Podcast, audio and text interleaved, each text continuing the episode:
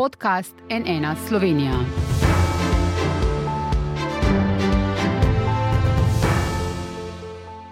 Dobro dan, to je NN studio. Kakšno bo evidentiranje delovnega časa po novem? Kdo se bo moral štempljati in kdo ne? Zaradi goljufanja delavcev, kot v primeru Marine Blue, je vlada sprejela nov zakon, a iz opozicije prihajajo opozorila, da prinaša dodatno birokracijo da bodo morali po novem študenti, SPI, kmetje in tisti na avtorskih in drugih pogodbah beležiti vsak svoj premik, odhod in prihod z dela, odhod na malico in tako naprej. Dobrodan, spoštovana gosta, državni sekretar na Ministrstvu Prav. za delo, družino, socialne zadeve in enake možnosti, gospod Dan Juvan, pozdravljeni. Prav, in poslanec Nove Slovenije, Aleksandr Rebršek, lep pozdrav tudi vam. Lep pozdrav tudi vam. Če začnemo mi dva, gospod državni sekretar, ta novi zakon ste v bistvu podedovali od prejšnjih vlad in ga po odmevnih razkritjih o ravnanju z delavci dokončali, ga uskladili na ekonomsko-socialnem svetu in poslali v državni zbor, kjer je zdaj v postopku. Katere so torej te bistvene novosti za podjetja in za zaposlene, ki jih ta zakon prinaša? V resnici je bistvena novost ta, da bodo mogli uh, delodajalci oziroma delavci evidentirati svoj čas prihoda v smislu, prišel sem zjutraj, šel sem popovdne, imel sem tok in tok časa za majico. To je tista bistvena sprememba, s katero hočemo doseči, da se bodo um, določbe o pravicah delavcev, predvsem zvezi s počitkom, tudi spoštovali v praksi. In veliko razprav je bilo okrog tega zakona in moram reči, da je veliko enega viharja v kozarcu vode.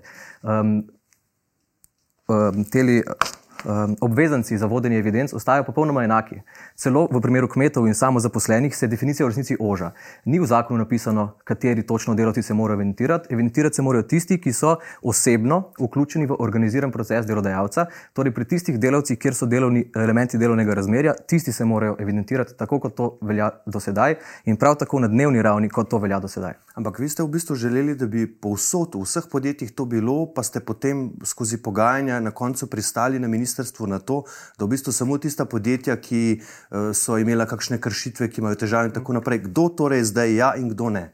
Eh, to, kar te trdite, je res. Ne? Tudi prejšnja vlada in tudi mi na začetku smo imeli zelo ambiciozno idejo da bi se mogli uh, evidentirati na podlagi elektronskega uh, evidentiranja, centralno, za vse enako, da bi inšpektorat vedno lahko pogledal v evidenco, če so sume kršitev, in da tudi bi država imela neko analitično urodje, s katero bi lahko ugotavljala, koliko slovenci delamo, koliko nadur naredimo in koliko je dejansko kršitev na, na teh primerih. Kdo se mora evidentirati, tako kot sedaj? Če si v delovnem razmerju pri delodajalcu, moraš zbeležiti svoj delovni čas. Tako je bilo in tako ostaja. Vsi v delovnem razmerju. Mhm, bomo šli eh, tu še potem naprej, ampak najprej, gospod Rebršek, vi pravite, potrebno bi bilo kaznovati tiste, ki zakone kršijo, vlada pa sedaj kaznuje vse. Zakon ste celo poimenovali zaradi nesposobnosti luke meseca kazen za vse, ne le za peščico. Zakaj tako pravite? Poglejte, jaz bi res v samem začetku povedal, da obstro obsojam, kar se je dogajalo v podjetju Marimblu in pa Selea tisto, kar se je dogajalo tam, je skoraj neverjetno. 40-urni in več delovnik, mobbing, nočni klici, neizplačilo celo plač, izživljanje nad delovci in to se resnično ne sme dogajati. Ne gre samo za kršitve delovno-pravne zakonodaje, ampak tudi nekih osnovnih življenjskih norm. In tisto, kar se je tam dol dogajalo, ostro obsojam.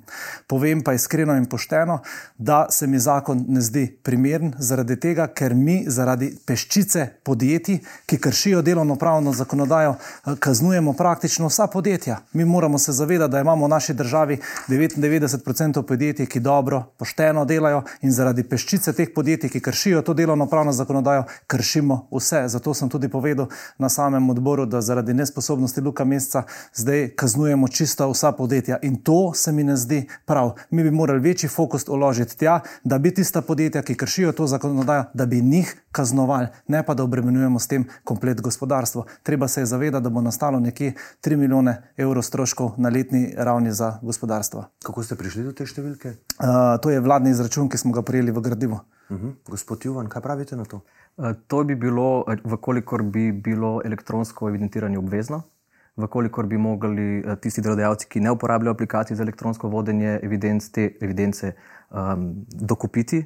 Um, mi smo zdaj zreducirali ta predlog v sodelovanju s socialnimi partnerji in s konsenzom, da je elektronsko evidentiranje obvezno samo za kršitelje zakonodaje in za tiste, kjer delavci prosijo uh, svojega delodajalca, pa ta pristane na to, da elektronsko vodi evidence. In tudi v tem primeru naše ministrstvo načrtuje, uh, da bomo poskušali na državni ravni vzpostaviti uh, aplikacijo, ki bo potem dosegljiva za vse. Uh -huh. Kdaj pa bi to lahko začela delovati, taka aplikacija? Tukaj smo še v pogovori, kako bi ta aplikacija lahko izgledala, kdo bi jo, kdo bi jo zagotavljal in tako naprej, tako teh podatkov oziroma informacij trenutno ne bom razkril. Um, bi pa rekel to, s tem zakonom nobenega ne kaznujemo. Mi imamo um, koncept delovnega časa, je omejen na 40 ur. Uh, vsi, ki delamo, se naše delo meri v urah. 40-urni delovnik poznamo in v sklopu tega, v tem istem konceptu, so seveda evidence pomembne. Če ste vi na uro plačani, je fajn, da veste, koliko ste delali. In že zdaj poznamo koncept, kjer morajo delavci in delodajalci po zakonu beležiti dnevno, da je nekdo 8 ur delal. Vse, kar se spremenja v tem primeru, je, da se določa, da se mora zabeležiti, kdaj si prišel na delo in kdaj si šel iz dela, da moraš napisati, kdaj si imel malico, in pa bolje določamo, kje se hranijo evidence, kdaj morajo biti na voljo uh, delavcu, kdaj morajo biti na voljo in na kakšen način eh, inšpekciji za, za delo. Jaz sem človek, ki veliko časa preživim na terenu, veliko časa se pogovarjam z ljudmi, veliko časa se pogovarjam tudi uh, s podjetniki. Zdaj v Levici, v vladi so pripravili zakon, uh, zakon, ki bo obremenil vsa podjetja, uh, za delavca pa praktično ne bo nobene koristi. Um, včasih bi bilo fajn, če pogledamo uh, na terenu, kaj se dogaja, in uh, ko potegnemo uh, črto. Tisti, ki so do zdaj kršili delovno pravno zakonodajo, verjemite mi, da jo bodo kršili uh, tudi naprej, čeprav je to uh, uh, nedopustno. Evidence bojo seveda štimale, bojo tipi topi, tako kot so bile do sedaj, podatki se bojo prilagajali, to verjemite, vse, bo štimalo, ljudje pa bojo še vedno delali, kot delajo. Vse naj, namreč razumete, da imamo mi neke sektorje v naši državi, gradbeništvo, gostinstvo, storitveno dejavnost, ker mnogo, mnogo primankuje delavcev in to delo nekdo mora opraviti, kar pomeni, da ti ljudje uh, uh, veliko več delajo, kot je to dovoljeno. Uh, in s tem zakonom, ki ste ga predlagali v Levici, mi teh težav ne rešujemo. Kaj pravite na to, da teh težav ta zakon ne rešuje? Mi rešujemo težavo verodostojnosti evidence. Rekli ste prav, gradbišča. Naprimer. Inšpektor pride na gradbišče in vidi zavedeno, da je delo delavec 8 ur, 8 ur, 8 ur, 8 ur. Evidence so v skladu z zakonom. Od teh evidenc inšpektor ne more razumeti, ali je delo 8 ur popovdne, ali je delo do povdne, ali je počival čez noč 11 ur. Te evidence s tem zakonom postajajo bolj verodostojne, bolje odražajo dejansko stanje. Tudi kar se fleksibilnosti dela tiče. Delodajalec lahko uh, delovni proces organizira kot želi, vendar morajo evidence temu slediti. Torej, evidence na nobenem primeru ne omejujejo fleksibilnosti. Če boste delali od doma, se boste lahko uh, napisali, da ste delali od doma, od kdaj do kdaj. Tako da ni nobena velika obremenitev birokratska v smislu, da gremo od 8 ur do 7 do treh. To ni velika obremenitev, hkrati je bila naša ideja in tudi vaša ideja, v resnici vaša vlada je uh, vodila pogajalski proces. Ko smo prišli na ministrstvo, smo dobili usklajene rešitve, takšne kot so danes v zakonu. Edina stvar, ki je naš minister zapiril z delodajalci, je bila obveznost elektronskega vodenja. Kaj pa je v evidencah, kaj je vsebina evidenc, pa je bilo usklajeno že za časa vaše vlade. Lete. Mi smo ta zakon podedovali, se z njim strinjali, ker je ta zakon v resnici nastal institucionalno.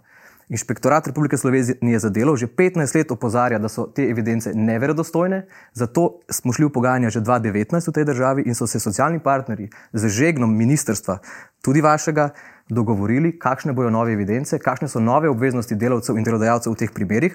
Edino, kar je ostalo odprto, je bilo, so bile obvezne elektronske evidence, kar je pa naš minister potem dosegel konsens, da je to obvezno samo za kršitelje in za tiste, kjer delodajalci eh, in delavci to skupaj zahtevajo. V prejšnji vladi je to ministrstvo vodil prav vaš zdajšnji ja. vodja poslanske skupine, gospod Sigler Kralj. A pa vas to, gospod Rebršek, ne prepriča, da je zakon očitno usklajen tudi s socialnimi partnerji? Lete, uh, zadnjo piko pri tem zakonu je naredila stranka Levica. Kokarkoli obračate besede, zadnjo piko ste naredili uh, vi. Uh, zdaj uh, ne vem, s kakim podatkom vi razpolagate. Uh, jaz imam podatek, da je ekonomsko-socialni svet. Uh, morate vedeti, da so sindikati 21. Eh, maja 2000, 14. Eh, maja 2021 eh, izstopili iz SSA. Ne vem, koliko je lahko dal potem soglasje. Dejstvo pa je, da je ta pogajalska skupina oziroma SSS sprejel dva sklepa. En je bil seznanitveni, drugi sklep pa je bil, da bodo delodajalci vključeni v nadaljne podzakonske akte. Še enkrat, vi ste, mislim, vi ste naredili zadnjo piko temu zakonu. Jaz sem že na odboru za delo sam povedal, vkolikor bi jaz imel škarje pa platno v rokah, definitivno ne bi obremenjeval vseh podjetij, ampak bi se lotil striktno tistih podjetij, ki kršijo delovno pravno zakonodajo. Poglejte, samo za primerjavo. Se pravi, da je zdaj tako. Goran, uh, Goran Lukič ne, je sam povedal v enem izmed intervjujev, kaj se bo dogajalo. Nekdo se bo šel štemplat 5 do 4 oziroma 5 do 5, odvisen kdaj je začel delati, potem bo šel nazaj delati. Povečati bi morali nadzor.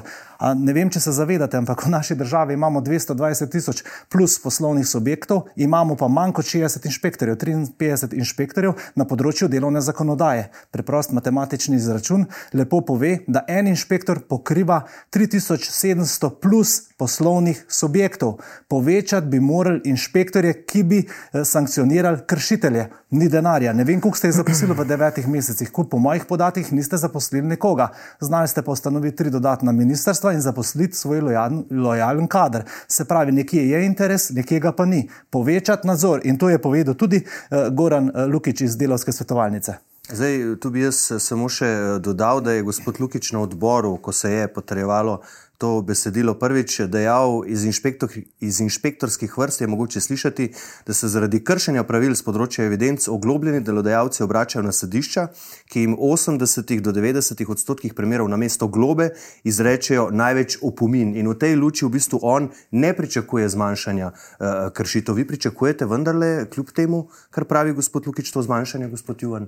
Teme, ki jih odpirate, so seveda bistveno širše od tega zakona. In seveda se lahko jaz in z vami strinjam glede inšpektorata in glede kadrovske podhladine pristojnosti, kot se seveda tudi z uh, Goranom Lukičem, zelo svetovalnice, strinjam, ko opisuje, kakšne so razmere na trgu dela. Ta zakon bo do določene mere pomagal, da bodo inšpektori na terenu dobili bolj verodostojne evidence. To, kar so si želeli že 15 let. To je samo en kamenček v mozaiku, da se lahko lažje zagotavlja pravice. Uh, povezane z delovnim časom, ki so pravice vseh delavcev v delovnem razmerju. Zelo enostavno. Gre za precej tehničen zakon, za nekaj več um, vsebinami v evidencah, ki je bil usklajen tudi z delodajalci. Torej, delodajalci so z našim ministrom šli na tiskovno konferenco, so rekli, usklajeno je, Tako da zdaj ne razumem točno, koga vi zagovarjate, če se ljudje, ki bodo to izvajali, strinjajo, tako na delovski, kot na delodajalski strani. Kot sem rekel na začetku, zdi se mi nek vihar v kozarcu vode in izguba časa se prerekamo, ko pa je ta zakon v razpravi strokovni že od leta 2019. Vihar v kozarcu vode? Ne, ne gre, ne gre za vihar v, v, kozarcu vode, hočemo biti bolj papeški od papeža. Lete, zakaj ne pozamemo dobre prakse, recimo iz tujine? Kako imajo to recimo urejeno v Estoniji? Pa me dobro poslušajte, vam bom povedal do konca, me poslušajte. Uh, recimo Estonija ima samo eno pravilo pravilo. Delodajalec in zaposlen se usedeta, se dogovorita o delovnem času, o odmoru in potem delodajalec vodi evidence. In drugih pravil tukaj ni. Vse gradimo na zaupanju. Naša družba mora graditi na zaupanju. Podjetje, odnos direktor-delavec, moramo to graditi na zaupanju.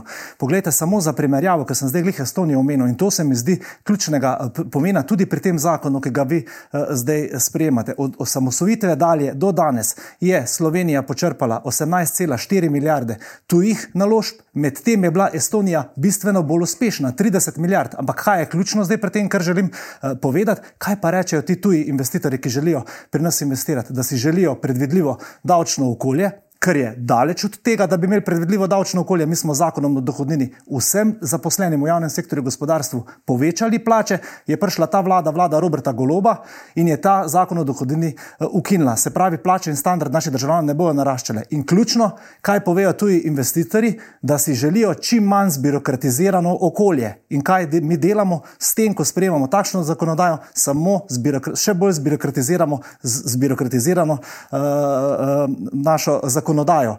Tisto, kar je ključno in kar želim povdariti, kaznujemo vse na mesto, da bi kaznovali kršitelje. Kršiteljev bi se mogli lotiti.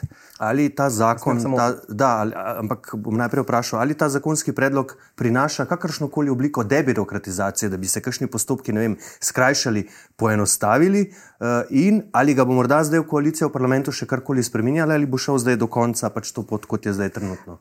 Bom prav prvo na vaše vprašanje odgovoril. Glede na to, da je bil predlog usklajen med socialnimi partnerji in da glede njega vlada soglasje, ne pričakujem, da bo koalicija posegala enostransko za madmaj v to soglasje. Uh -huh. um, kar se tiče birokracije, uh, živimo v 21. stoletju. Um, aplikacije elektronske lahko bistveno, bistveno olajšajo naše delo. Tako da ne rabimo pisati na papir teh ur.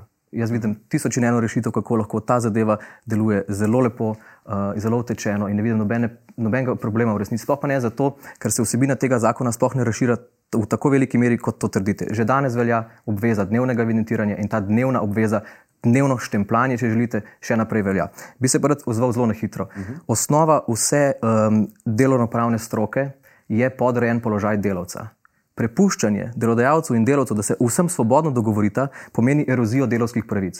Cel ZDR, zakon o delovnih razmerjih, je osnovan na načelu, da je delavec šipkejša stranka, zato ga zakon ščiti. In to je v bistvu vzrok za celotno regulacijo uh, delovskih pravic. Uh, in tukaj ne morem pristati na to stališče, pustimo, da se delodajalci in delavci izmenijo. To smo videli, kako je izgledalo na začetku 20. stoletja.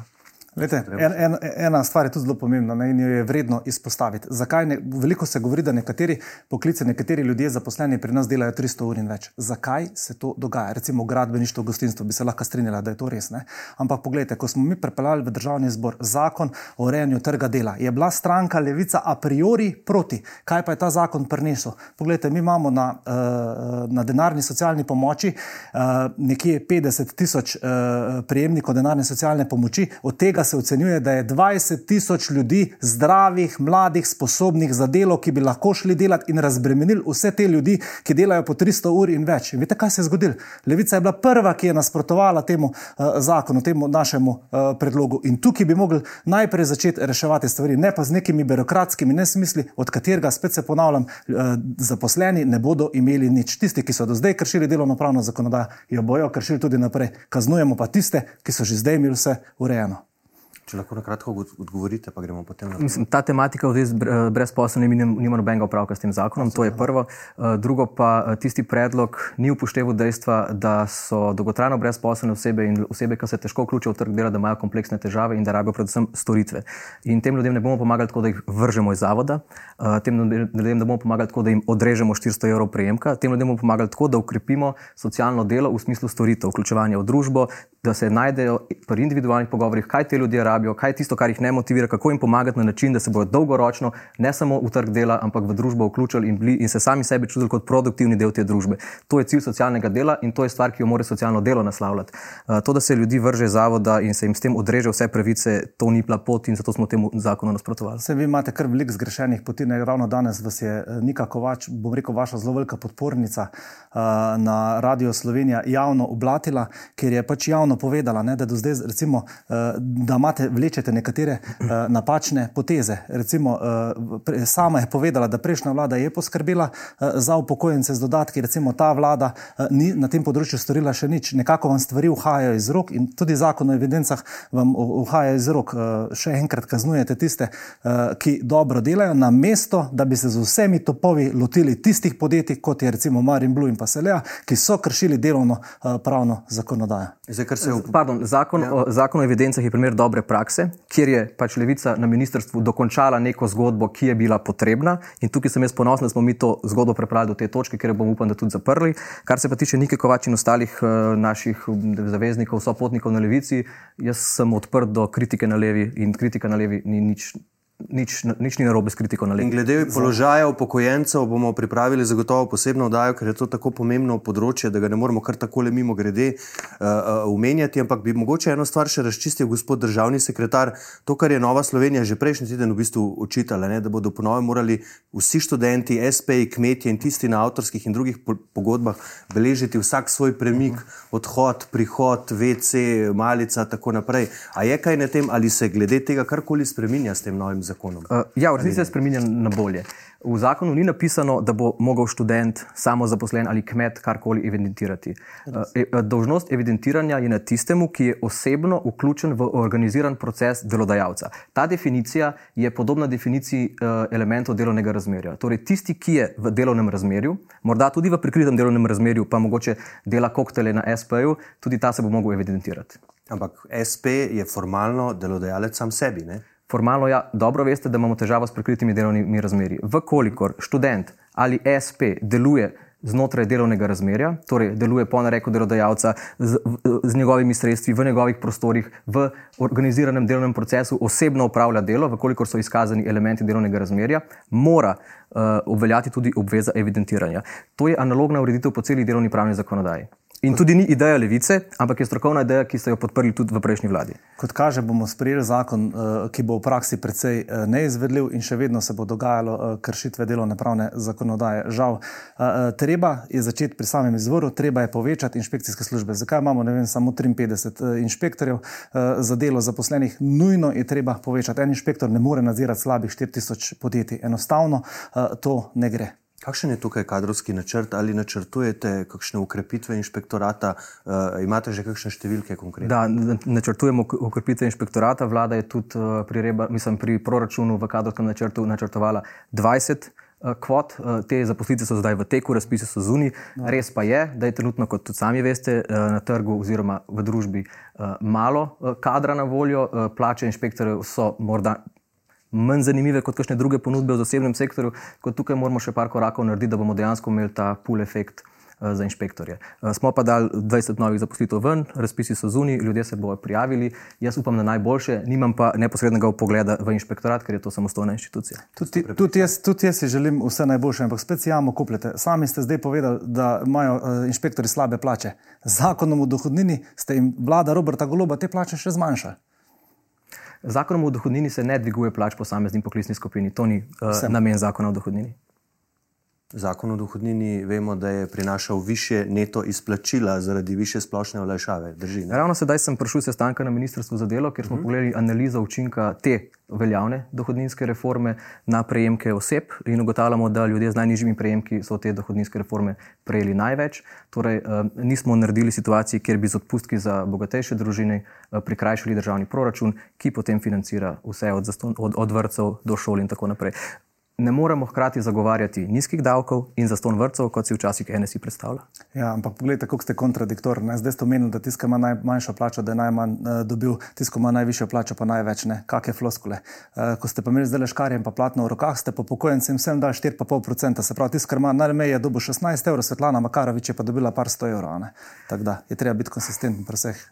Kdor misli, da ima levice škarja in platno v rokah, se, se moti. Ja, to pa verjetno nekako več pa. Dobro, bomo tu uh, zaključili debato. Seveda bomo pozorno spremljali učinke tega zakona o evidencah, o katerem smo se danes pogovarjali, še malo uh, o čem na okolje, ampak tudi to so pomembne teme. Spoštovana gosta, gospod Rebršek, gospod Juva, najlepša hvala, da ste prišla na NN. Hvala. Hvala pa tudi vam za vašo pozornost. Seveda vse v zvezi s tem, kaj se spremenja na področju trga dela, sproti objavljamo na naši spletni strani nnainfo.si iz studija, pa le še lepo zdrav in nasvidenje.